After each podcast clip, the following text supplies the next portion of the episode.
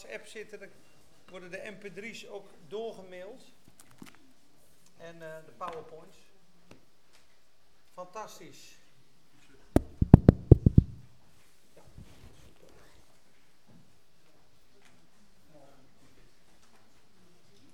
Nou, dan gaan we weer verder. De volgende opname aanzetten.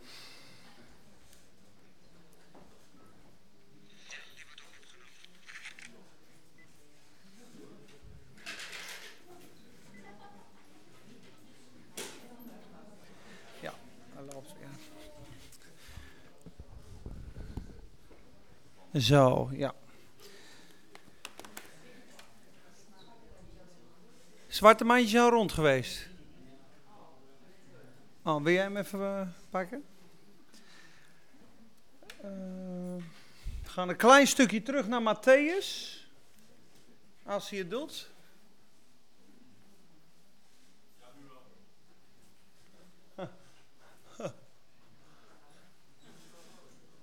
Ja, daar is hij. Kijk eens. Ja, dit is ook een heel mooi stuk van de Heer Jezus. Hoe je ziet hoe zijn hart is. Uh, Matthäus 14. Wij hadden heel anders gereageerd. En hier zie je maar weer de absolute zelfverloochening van de Heer Jezus. Dat hij nooit zichzelf zocht. Nooit zichzelf behaagde. Altijd eerst de ander. Zo, zoals 1 Korinthe 13 zegt, de liefde zoekt zichzelf niet. Nou, dat zie je dus zo duidelijk in het leven van de Heer Jezus. Dan moet je nagaan dat zes maanden voordat Jezus geboren werd, uh, of drie maanden, even kijken, moet ik zes maanden voordat Jezus geboren werd, is Johannes de Doper geboren. Dat waren neven, hè, want Maria ging naar uh, Elisabeth toe en dat kind sprong op. En ze was daar drie maanden, dus dat waren neven van elkaar. En Johannes de Doper is onthoofd. En Jezus is daarvoor aan het rouwen. En die wil weg van de mensen. Die zit in de woestijn. En je moet nagaan, hij wil dit verwerken. En ik begin te lezen over Herodes. En Herodes was een koning, een viervorst. En op een gegeven moment had hij een feest, voor degenen die dat niet weten, de meesten weten dat wel. En iedereen was dronken en er werd veel gedronken. En op een gegeven moment was er een danseres, een dochter van Herodias. En die stond lekker te dansen en ze waren vrolijk. En op een gegeven moment zei die koning, die zei, vraag wat je wil en ik zal het je geven. Al is het de helft van mijn koninkrijk. En Herodias haar moeder, daar liep ze naartoe. Ze zei, wat zal ik vragen? En Herodias die zei, je moet het hoofd van Johannes de Doper vragen op een schotel. En toen was hij verschrikt. Herodes was verschrikt, maar omwille van de mensen die daarbij zaten, gaf hij opdracht dat Johannes onthoofd werd in de gevangenis. Nou, dat is net gebeurd en Jezus hoort dat. Dus ik begin in vers 10, 14 vers 10. En hij, Herodes, stuurde iemand en liet Johannes in de gevangenis onthoofden. En zijn hoofd werd op een schotel gebracht en aan het meisje gegeven. En zij bracht het bij haar moeder. En zijn discipelen kwamen, namen het lichaam weg en begroeven het. En ze gingen heen en berichten het aan Jezus. Toen Jezus dit hoorde, vertrok hij vandaan met een schip naar een eenzame plaats, alleen. Dus hij wil rouwen, hij wil alleen zijn. Kijk, en dan komt, en de menigte die dat hoorde, volgde hem te voet vanuit de steden. En toen Jezus uit het schip ging, zag hij een grote menigte en zei, kunnen jullie me nog niet één keer met rust laten? Ik sta dag en nacht voor je klaar. Mijn neef is net onthoofd. Ik ben hier in de woestijn en ik wil gewoon even rouwen. Kan het één keer? Had een hele normale reactie geweest. Maar er staat, hij was met ontferming bewogen, innerlijk met ontferming bewogen over hen en genas hun zieken. Dus daar zie je dat Jezus nooit zichzelf zocht. Hij is in een rouwproces, maar hij ziet de nood van anderen. En de nood van anderen is belangrijker dan zijn eigen nood. Dat is wonderbaarlijk. Zo is Jezus. We gaan een hele mooie stap maken naar Lucas. Ik weet ook niet waarom, maar dat komt ineens binnen. We gaan naar Lucas. Nog zo'n mooi iets. Lucas 23. De heerlijkheid van de Heer Jezus door de evangelie 1. Hoe was hij?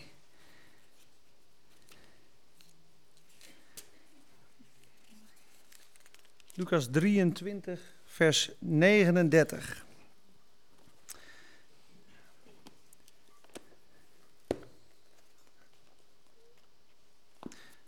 En jullie hoeven dat niet op te zoeken, maar dat zoek ik even op. Ik, ik zoek ondertussen op Matthäus 27, vers 44. Hij heeft op God vertrouwd, laat hem die nu verlossen, zeiden de mensen die onderaan het kruis stonden. Want hij heeft toch gezegd, ik ben Gods zoon. Hetzelfde verweten hem ook de misdadigers die met hem gekruisigd waren. Dus hier zie je dat de misdadigers hem lasteren. 1532 Komt hij, verlos uzelf en kom van het kruis af. En evenzo spotten ook de overpriesters, samen met de schriftgeleerden onder elkaar. Anderen heeft hij verlost, zichzelf verlossen kan hij niet. Laat de Christus, de koning van Israël, nu toch van het kruis afkomen, opdat wij het zien en gaan geloven. Ook zij die met hem gekruisigd waren, smaden hem. Dus de twee moordenaars zijn hem aan het lasteren en smaden in Matthäus en in Marcus. Dat is een uurtje voor Lucas. Ze zijn hem allebei aan het uitschelden, samen. Nou, in Lucas is het iets later. En van de misdadigers die daar hingen, lasterde hem een. Als u de Christus bent, verlos dan uzelf en ons. Maar de anderen antwoordden en bestraften hem. Vreest zelfs uw God niet, nu wij hetzelfde vonnis ondergaan. En wij toch rechtvaardig, wij, want wij ontvangen straf, zegt die modenaar, overeenkomstig wat wij gedaan hebben. Maar deze heeft niets onbehoorlijks gedaan. En hij zei tegen Jezus, Heere, gedenk mij als u in uw koninkrijk gekomen bent.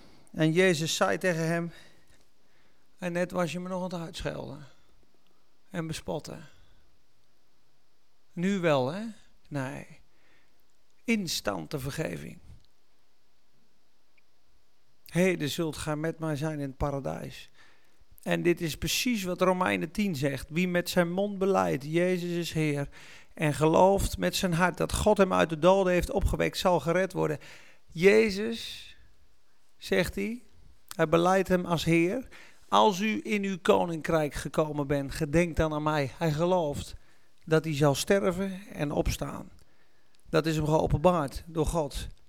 En ineens ziet hij dat hij aan het bidden is. Die Jezus is aan het bidden.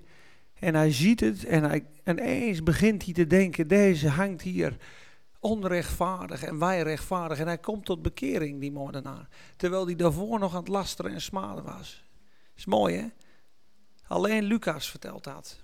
En zo is het belangrijk om alle evangeliën te lezen, want dan kom je dieper.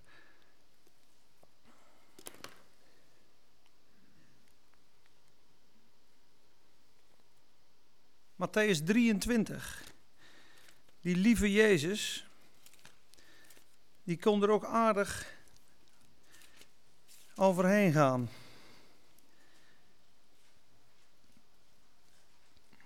En hij was boos en verbolgen op de daden en de woorden van de schriftgeleerden. Maar nog heeft hij ze lief. Maar hij doet dit om ze los te breken van hun godsdienstigheid. En hij begint in vers 13. Dit is Jezus tegen de kerkleiders van die tijd. Wee u schriftgeleerden en fariseeën, huigelaars. Huigelaars, hypocrites. Hypocrites staat er in het Grieks. Pretender, doen alsof. Acteur, acteren. Van buiten heel goed en vroom lijken, van binnen vol van bedrog. En hij spreekt dat keihard aan. Wee u schriftgeleerde farisees, huigelaars, want u eet de huizen van de weduwe op en voor de schijn bidt u lang. Daarom zult u des te zwaarder oordeel ontvangen. Wee u schriftgeleerden en fariseeën, huigelaars. U reist zee en land af om één proseliet, één bekeerling te maken. En als hij het geworden is, maakt u hem een kind van de hel. Dubbel zo erg als u. Dat is wat, dat is een uitspraak. Kinderen van de hel noemt hij ze, die schriftgeleerden. Wee u, blinde leiders, die zegt, heeft iemand gezworen bij de tempel? Dat betekent niets. Heeft iemand gezworen bij het goud van de tempel? Dat is iets waaraan de eed gebonden is. Dwazen en blinden, wat is meer? Het goud of de tempel? En de tempel die het goud heiligt. Dus ze zien de hoofdzaak en bijzaak niet. Daarom zegt hij op een gegeven moment, je zuigt de mug uit en je doorzwelgt een kemel. Je bent allemaal met kleine dingetjes bezig. Je, je, je de dille en de komijn. Tiende van die komijntjes, tiende van die dillen, van die zaadjes. Maar het belangrijkste van de wet vergeet je. Barmhartigheid, het geloof en het oordeel. En hij gaat er keihard overheen. En hij noemt ze op een gegeven moment zelfs addergebroedsel. Blinde fariseeën, vers 26. Reinig eerst de binnenkant van de drinkbeker en de schotel, zodat ook de buitenkant daarvan rein wordt. Wee u schriftgeleerden en fariseeën, huigelaars, u bent als wit gepleisterde graven, die van buiten wel mooi lijken, maar van binnen zijn ze vol doodsbeenderen en allerlei onreinigheid. Zo schijnt u ook wel van buiten rechtvaardig voor de mensen, maar van binnen bent u vol van huichelarij. Nou, dat zijn toch wel aardige, heftige uitspraken. Lees het hoofdstuk thuis nog maar eens na. Maar dat is Jezus, de barmhartige, liefdevolle Jezus, die vurig en vertoond die leiders aanspreekt. En dat waren priesters, hoge priesters en dominees in die tijd. Daar ging je naartoe. Naar Caiaphas ging je toe voor gebed, voor hoog gebed. Het waren getrainde, geleerden, die kenden de Torah, de eerste vijf boeken uit hun hoofd. Die hadden meer bijbelkennis als Peter Duist. En die wisten dat veel beter. 250 pagina's uit het hoofd.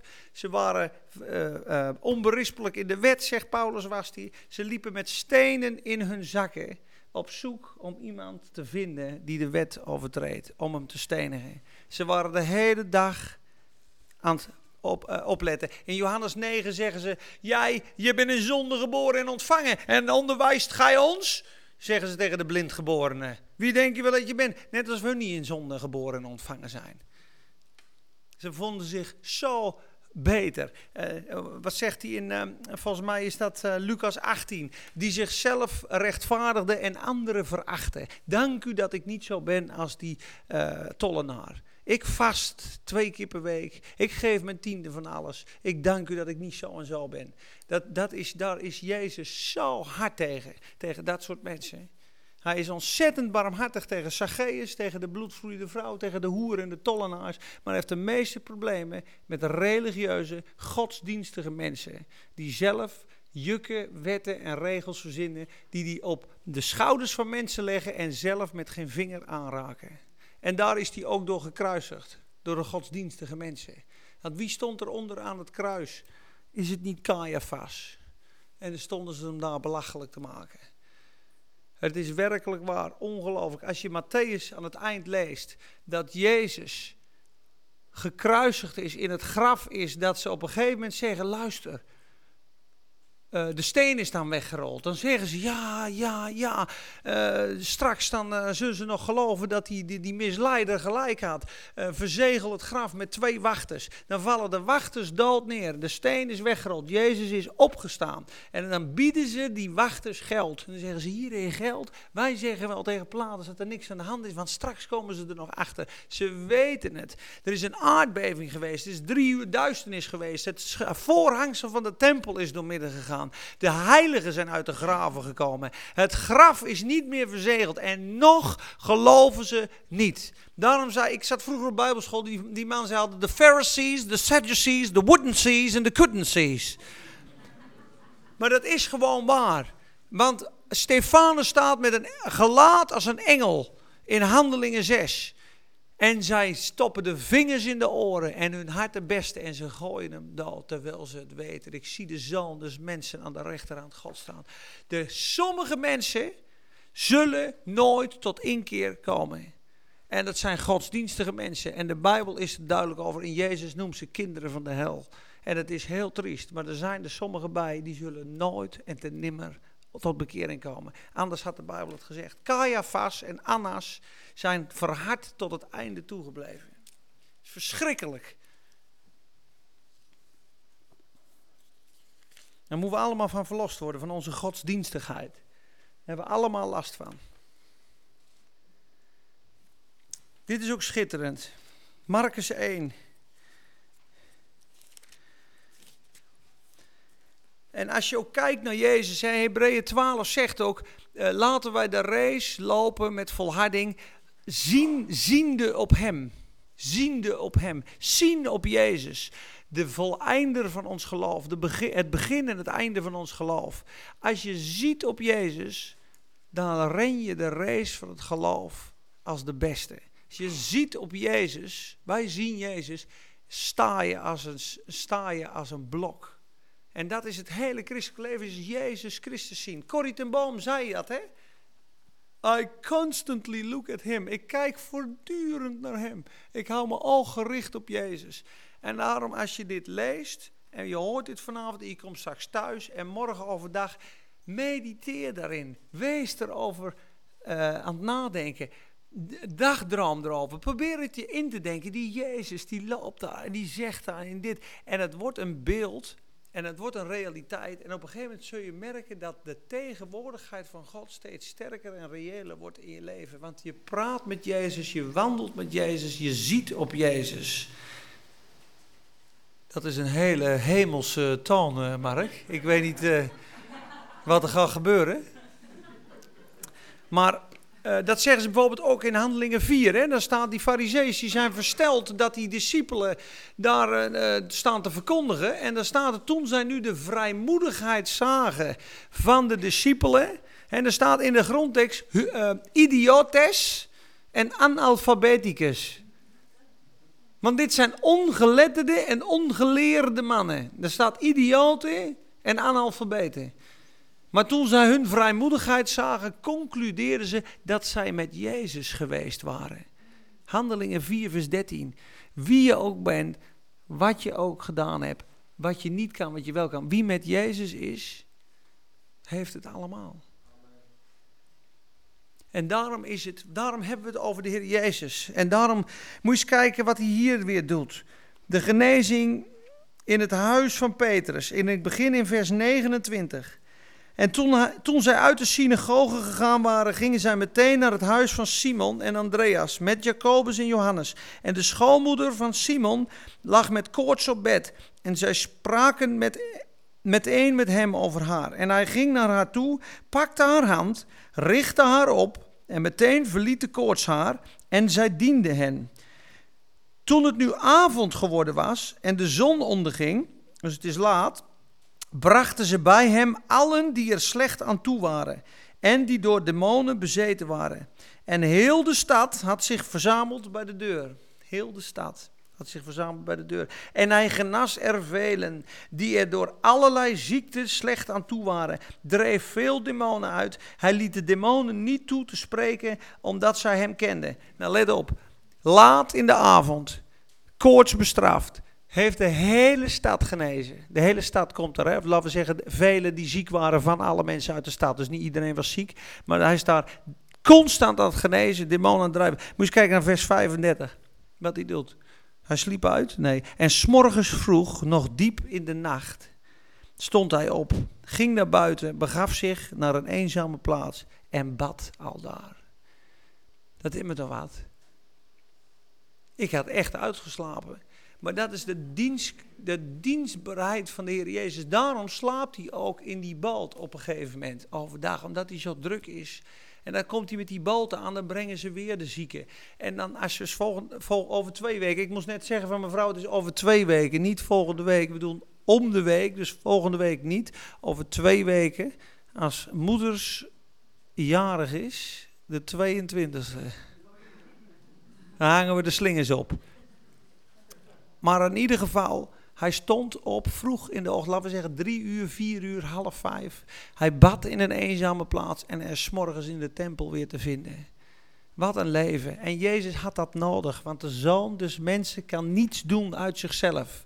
Jezus, zeggen ze, Jezus is het voorbeeld hoe een mens kan leven die gezalfd is door de Heilige Geest, die op God vertrouwt. Jezus is niet een unicum, want hij, is, hij zegt, de zoon des mensen kan niets doen uit zichzelf. Johannes 5 vers 19. Maar wat hij de Vader ziet doen, zo doet ook de zoon. En dus wij kunnen wandelen zoals de Heere vertrouwde, zoals de Heere bad, zoals de Heere zich overgegeven heeft. En dat zegt de Bijbel ook. En dat is voor ons lijkt dat een unicum, maar dat staat in 1 Johannes 2 vers 6. Wie zegt dat hij in Christus blijft, moet exact zo wandelen zoals de Heer Jezus gewandeld heeft. Met andere woorden, hij zegt, ik blijf in de Heer Jezus, ik blijf in de Heilige Geest. Dan zegt Johannes, nou, dan is het resultaat dat je dezelfde dingen doet als Jezus en dan wandelt. Want het is Jezus die jou dan helemaal controleert door zijn Heilige Geest. Dan doe jij je eigen wil niet meer, je eigen woorden en je eigen wensen. Als jij zegt, ik ben gearriveerd, want dat zeiden ze dan. Ja, dan is de liefde volmaakt in jou geworden. Dan moet je net zo wandelen als Christus gewandeld heeft. Dus dan is het helemaal ten volle gegroeid. En dat is werkelijk waar wat God verlangt. Dat wij tot volle wasdom komen. Maar zijn we mee begonnen met Colossense 1 vers 28. Lerende ieder mens, onderwijzende ieder mens in alle wijsheid, opdat wij ieder mens volwassen, volmaakt in Christus Jezus zouden stellen. Volwassen zonen van God. Dat is wat Romeinen 8 zegt. De hele schepping kijkt rijkhalzend uit tot het openbaar worden van de zonen van God. Van de christenen die zo gegroeid zijn in God dat zij wandelen zoals God het behaagt. Die worden niet meer geregeerd door omstandigheden. Die hebben de Satan onder hun voeten. Die bidden als een priester. Die regeren als een koning in gerechtigheid. En die wandelen in de weg van een discipel in een dagelijks kruis. En die zijn opgeofferd. Zoals sommige zendelingen vroeger die de sneeuw ingegaan zijn op een sneeuwscooter. En die gewoon alle stammen geëvangeliseerd hebben door ontberingen en wat dan ook allemaal. Die verhalen leest. Dan denk ik, kan één man zoveel vrucht dragen? Ja, één man die op God vertrouwt kan zoveel vrucht dragen. En dat ligt voor ons allemaal klaar. Hoeveel van de Heer Jezus wil je, is hoeveel van jezelf geef je. Amen. Ze doken op hem.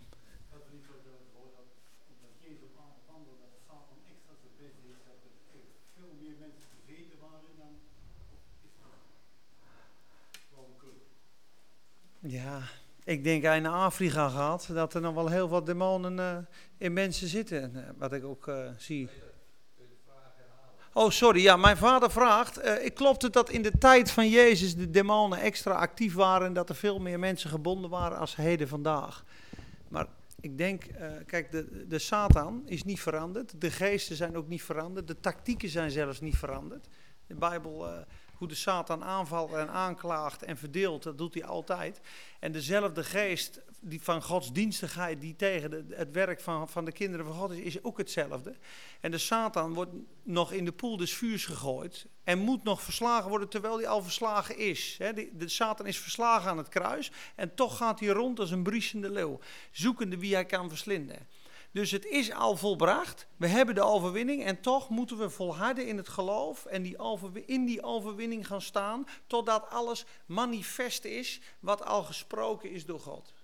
Dat, dat is een beetje moeilijk te begrijpen, maar het is al. Eh, openbaring 21 is geschreven. De eeuwigheid is daar.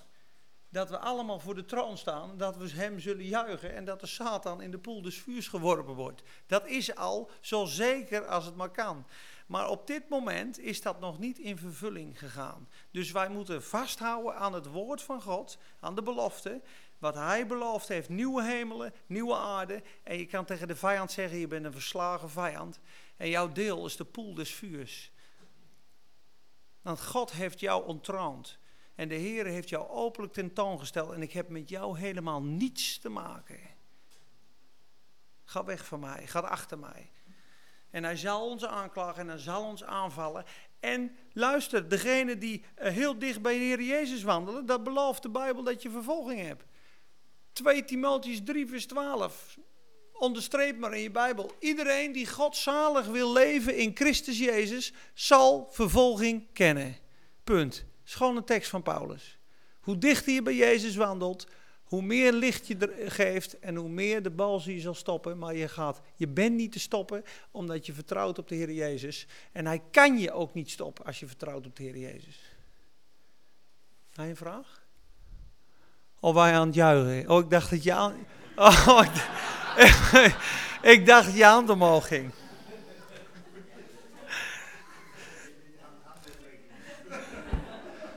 Oké, eh, hoofdstuk 3, vers 7. Marcus, ja. En Jezus vertrok met zijn discipelen naar de zee en hem volgde een grote menigte uit Galilea en uit Judea. Je moet nagaan, Galilea, dat ligt hier. Dat, is, dat waren de achterbuurten. Jeruzalem ligt hier. Dat is een kilometer of honderd. En hier ligt Judea. Dat is 150 kilometer van Jeruzalem. Dus daar vandaan kwamen menigte die kwamen en uit Jeruzalem en uit Idumea en van over de Jordaan en ook een grote menigte uit de omgeving van Tyrus en Sidon die gehoord had wat voor grote dingen hij deed, die kwam naar hem toe. Dus uit alle plaatsen en alle streken en alle provincies komen ze aangelopen. Honderden kilometers vandaan. En je moet nagaan, die menigte bij de brood en de vissen is 5000 man, vrouwen en kinderen niet meegerekend. Er zijn 15 tot 20.000 mensen die op zoek waren naar Jezus. Die daar grote afstanden voor aflegden. Kijk, en zei, hij zei tegen zijn discipelen dat er steeds een scheepje bij hem moest blijven vanwege de menigte, opdat zij hem niet verdringen zouden. Kijk, en dan staat er, want hij had er vele genezen, zodat allen die aandoeningen hadden op hem aandrongen om hem te kunnen aanraken. Dus iedereen die ziek was, die denkt, ja, we hoeven hem alleen maar aan te raken. Dus de menigte begon te dringen en dook over hem heen. Er staat een andere vertaling, zij, zij, vielen op hem aan. Dus de Heer zei, even een boot op het water en ik wil wat afstand. Dus je moet nagaan, hij dat nagaat. En dit is één verhaal, als je door de evangelie leest, het is het is dit soort verhalen op dit soort verhalen op dit soort verhalen. Waar die ook komt, dit gebeurt continu waar Jezus is. En als hij aan land is, dan weten ze dat hij er is. En ze brengen weer alle zieken en ze raken er niet aan. En uh, Marcus 6, vers 55 en 56. Moet je eens lezen. Als je dit in je hoofd uh, uh, kan tekenen, zou ik maar zeggen. Ja, ik weet niet hoe ik dat moet zeggen met een goed woord. Dat you can picture it. Hoe, uh, Visualiseren, dat is een hele mooie. Visualiseren. Nou, moet je eens kijken. Vers 55, Marcus 6, vers 55. En men liep heel die streek door en begon op lichtmatten hen die er slecht aan toe waren met zich mee te dragen naar de plaats waarvan ze hoorden dat hij daar was. En waar hij ook kwam, in dorpen of steden of gehuchten, daar legden ze de zieken op de markten en smeekten hem of zij, al was het maar de zoom van zijn bovenkleed, mochten aanraken. En allen die hem aanraakten, werden gezond. Waar hij ook kwam. In steden, in dorpen, in plaatsen. legden ze de mensen op ziekbedden op de markten en op de straten. Het hele spui vol met zieken. Het hele dorpstraat vol. En van alle plaatsen komen ze vandaan. En de Heer liep langest. En dat is één verhaal. En ik kan er echt wel twintig of 25. Het is echt ongekend wat daar gebeurde. Bijzonder hoor. Dat is ook de heerlijkheid van de Heer Jezus in het genezen. En dat is zijn barmhartigheid. Hij wil dat. Er staat in Marcus 1, Matthäus 8. Indien gij wilt, zegt die Melaatse. Indien gij wilt, kunt gij mij reinigen. Jezus zegt, ik wil het. Wordt rein. En hij raakte hem zelfs aan. En dat was verboden voor een Jood om een Melaatse aan te raken. Dat was onrein. Hij raakte hem aan. En hier zie je Marcus 11, de ijver van de Jezus in die tempel. Is ook zo mooi. Nog vijf minuten en stoppen we. Tien uur. We moeten allemaal weer uh, naar onze huizen. Vers 15. Ze kwamen in Jeruzalem en toen Jezus de tempel binnengegaan was, begon hij die in de tempel verkochten en kochten naar buiten te drijven. Ja, dit is in de tijd van Pascha. Dus ze zijn daar bij de kruisiging, dat feest vieren ze van Pascha, zijn ze lekker geld aan het verdienen aan de schapen, de duiven en de dieren. En ze maken een rovershol van de tempel. En Jezus begon ze naar buiten te drijven en de tafels van de wisselaars en de stoelen van hen die duiven verkochten, keerde hij om. En hij, uh, hij liet niet toe dat iemand enig voorwerp door de tempel droeg. De andere evangeliën zeggen dat hij een zweep maakte van touwen en sloeg ze uit die tempel. En daar kan je toch ook wel voorstellen dat Jezus had het toch ook netjes kunnen vragen. Hij had toch gewoon kunnen zeggen, jongens, kom op nou even serieus. Dit is de tempel. Je kunt hier toch geen bieren gaan verkopen? Doe eens even normaal joh, stop er eens mee. En daar moet je gewoon mee ophouden. Niet die vaten tillen. Dit is een huis van gebed joh. Dat had toch gewoon heel coulant geweest. Maar de ijver van Gods huis verteerde hem zo. Hij vroeg niks. Hij maakte een zweep. Hij ramde ze eruit. Hij gooide die tafels omver. Hij knalde die stoelen omver. En hij verbood dat iemand wat deed. En hij was verbolgen. Jullie hebben de roversol gemaakt. Dit is een huis van gebed. En dat ging harder als dit, geloof me maar. Zo verteerd was hij daarmee, omdat dat van zijn vader was. Die heilige plaats hadden ze veranderd in een markt. Dat is ook de Heer Jezus.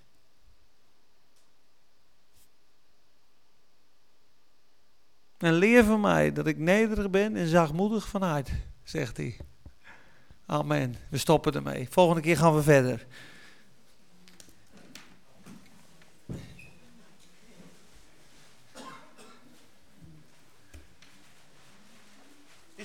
Is het opgenomen? Fijn.